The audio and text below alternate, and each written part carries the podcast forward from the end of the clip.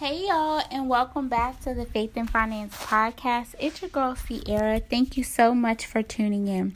In today's episode of the Faith and Finance podcast, we are going to be talking all about budgeting methods. So, I know most of you guys want to, if you don't have already, um, get a handle on your finances for 2020. And to do that, you have to choose the budgeting method that you would like to implement to do so. So, today we're going to discuss three of um, my favorite budgeting methods. Um, my personal favorite we'll start with is number one, which is the zero based budgeting method. That budgeting method was um, created by none other than the ultimate like financial guru Dave Ramsey and it pretty much is when your income minus your expenses when you're um creating your budget um net to zero. So you take whatever your monthly uh, your total monthly income minus all of your expenses and at the end it equals out to be zero. So pretty much by doing budgeting this way, you're making sure that every single dollar that you have coming in, so all the income that you have coming in has a place or has is allocated to a, a, specific expense category so that you are in control of your finances and pretty much you know where every dollar it has is going or has gone to.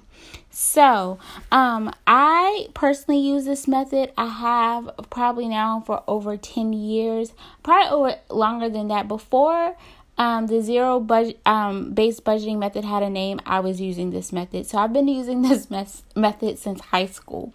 So, and it didn't have a name back then. Um, so this is the method that I stand true by. I believe that you shouldn't just budget for your expenses and then say, "Oh, I have five hundred dollars left over," and just leave it there. No, you need to tell that five hundred dollars where to go. So, is that going to go to pay off some debt?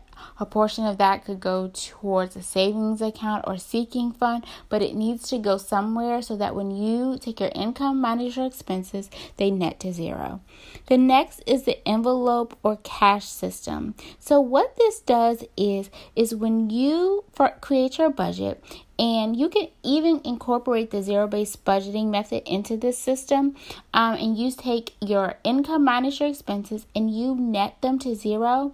Some of your expenses so um, you can then um, take cash out for and put them inside of an envelope which dave ramsey created this method as well or i should say um, he pretty much trademarked or coined this method.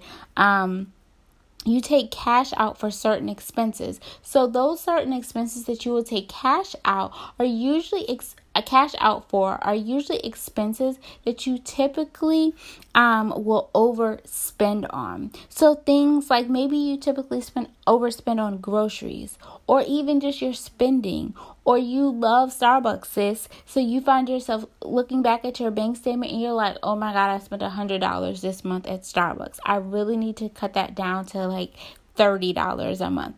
Um, so you will begin to take implement say okay i have a starbucks budget every month of $30 and i'm going to take that out and put it in, in an envelope and then once that $30 is gone it's gone. Like I have nothing left for Starbucks. Or maybe like since I eat out too much. I spent $500 last month on eating out. Maybe you're going to cut that down to $200. So you when you get paid, you're going to um out you've created your budget. So you're going to allocate $200 to eating out and then when um when that money is um placed into your bank account by your employer, you're going to go to the ATM, take that money out, and put it into an envelope, and then use that um, for your eating out money throughout your pay period or throughout the month. And then when that money is gone as well, it is just gone. Um, and then you can also do the same thing for entertainment. So maybe you like to have date night activities, um, or you just like to go to the movies or go to different festivals and events with your friends and family. You can take money out um, and to have an envelope or to keep in your wallet for activities like that. I highly suggest implementing this if you have a problem overspending in any category. It will help you take control of that specific category so that you can um, use that extra money that you you were spending on that one out um, category to maybe um, save for a vacation or put money towards savings for a house or a car or a vacation or whatever your heart's desire may be. So, the third and final method, method is the percentage system. The percentage system breaks your budget down by percent in by these three percent. So, it's 50%, 30%, and 20%. 50% is allocated towards needs and essentials. So, your needs and essentials are housing, food, and transportation. Your 30% will be allocated towards non essentials. So, maybe you're like me, sis, and you gotta get your hair did every other week. So, hair salon, shopping, or some type of entertainment. And the last and final um, percent was 20%. And you allocate 20% towards savings and debt repayment. It's a super easy um, budgeting method. Um, I have personally never used it before, but I, I've seen people use it and it works for them. The thing with each of these is you have to try them and figure out what works best for you. And sometimes for some people, it's not that budgeting isn't working, it's just the method that may not be working. So maybe you're using the zero based budgeting method, but you're still overspending. So maybe you need to do the zero based budgeting method, but also incorporate um, the envelope and cash system so that you can be, begin to take cash out for certain categories that you tend to overspend on on a month to month basis. And if you're curious, it's like, what, where is my money going? Go online to your bank account, to your um, and look at take a look at your bank account. Print your last three bank statements out, sis, and then begin to highlight and say how much have I spent on food over the last three months, and take one highlighter and highlight just food expenses, and then add it up, and see what you're spending your money on. How much did I spend at Starbucks, and see how, how much did I spend on entertainment and then to figure out what you're overspending on and then in those areas begin to take cash out. Create a budget for those specific areas. Take cash out and st- and make a decision says to stick to it.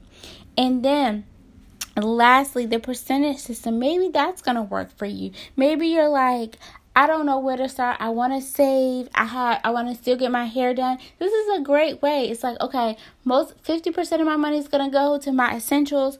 30% is going to go to non-essentials so I can still get my hair done. I can still um go out with my friends. I can still look cute and, you know, contribute to go um you know, going shopping cuz that's something I enjoy. But then also I can still pay down debt and still save by allocating 20 cent 20% of my total monthly income to those areas. So, since I, t- I encourage you to take your time, dive deeper, research um, these particular budgeting methods in depth, and figure out which method is going to work by uh, work best for you by trying them. Actually try them implement them. Um this this first quarter do a budgeting method a month and then at the end of the quarter, figure out which method works best for you, or maybe you'll combine certain pieces of each method to to um to come up with your own method for yourself. So maybe it's like I'm not fully doing the zero based budgeting method, but or maybe you're not doing fully the percentage percentage method, but you're doing the zero based budgeting method, but maybe you're deciding say, okay, I'm still going to take 20% of my total monthly income and contribute it to savings and debt repayment. And I'm going to take cash out um, for eating out in Starbucks and entertainment because those are typically areas that I spend on. Does that make sense? I hope that this was helpful and I hope it encourages you to hit the ground running in 2020 and create a budget and find the method that works for you.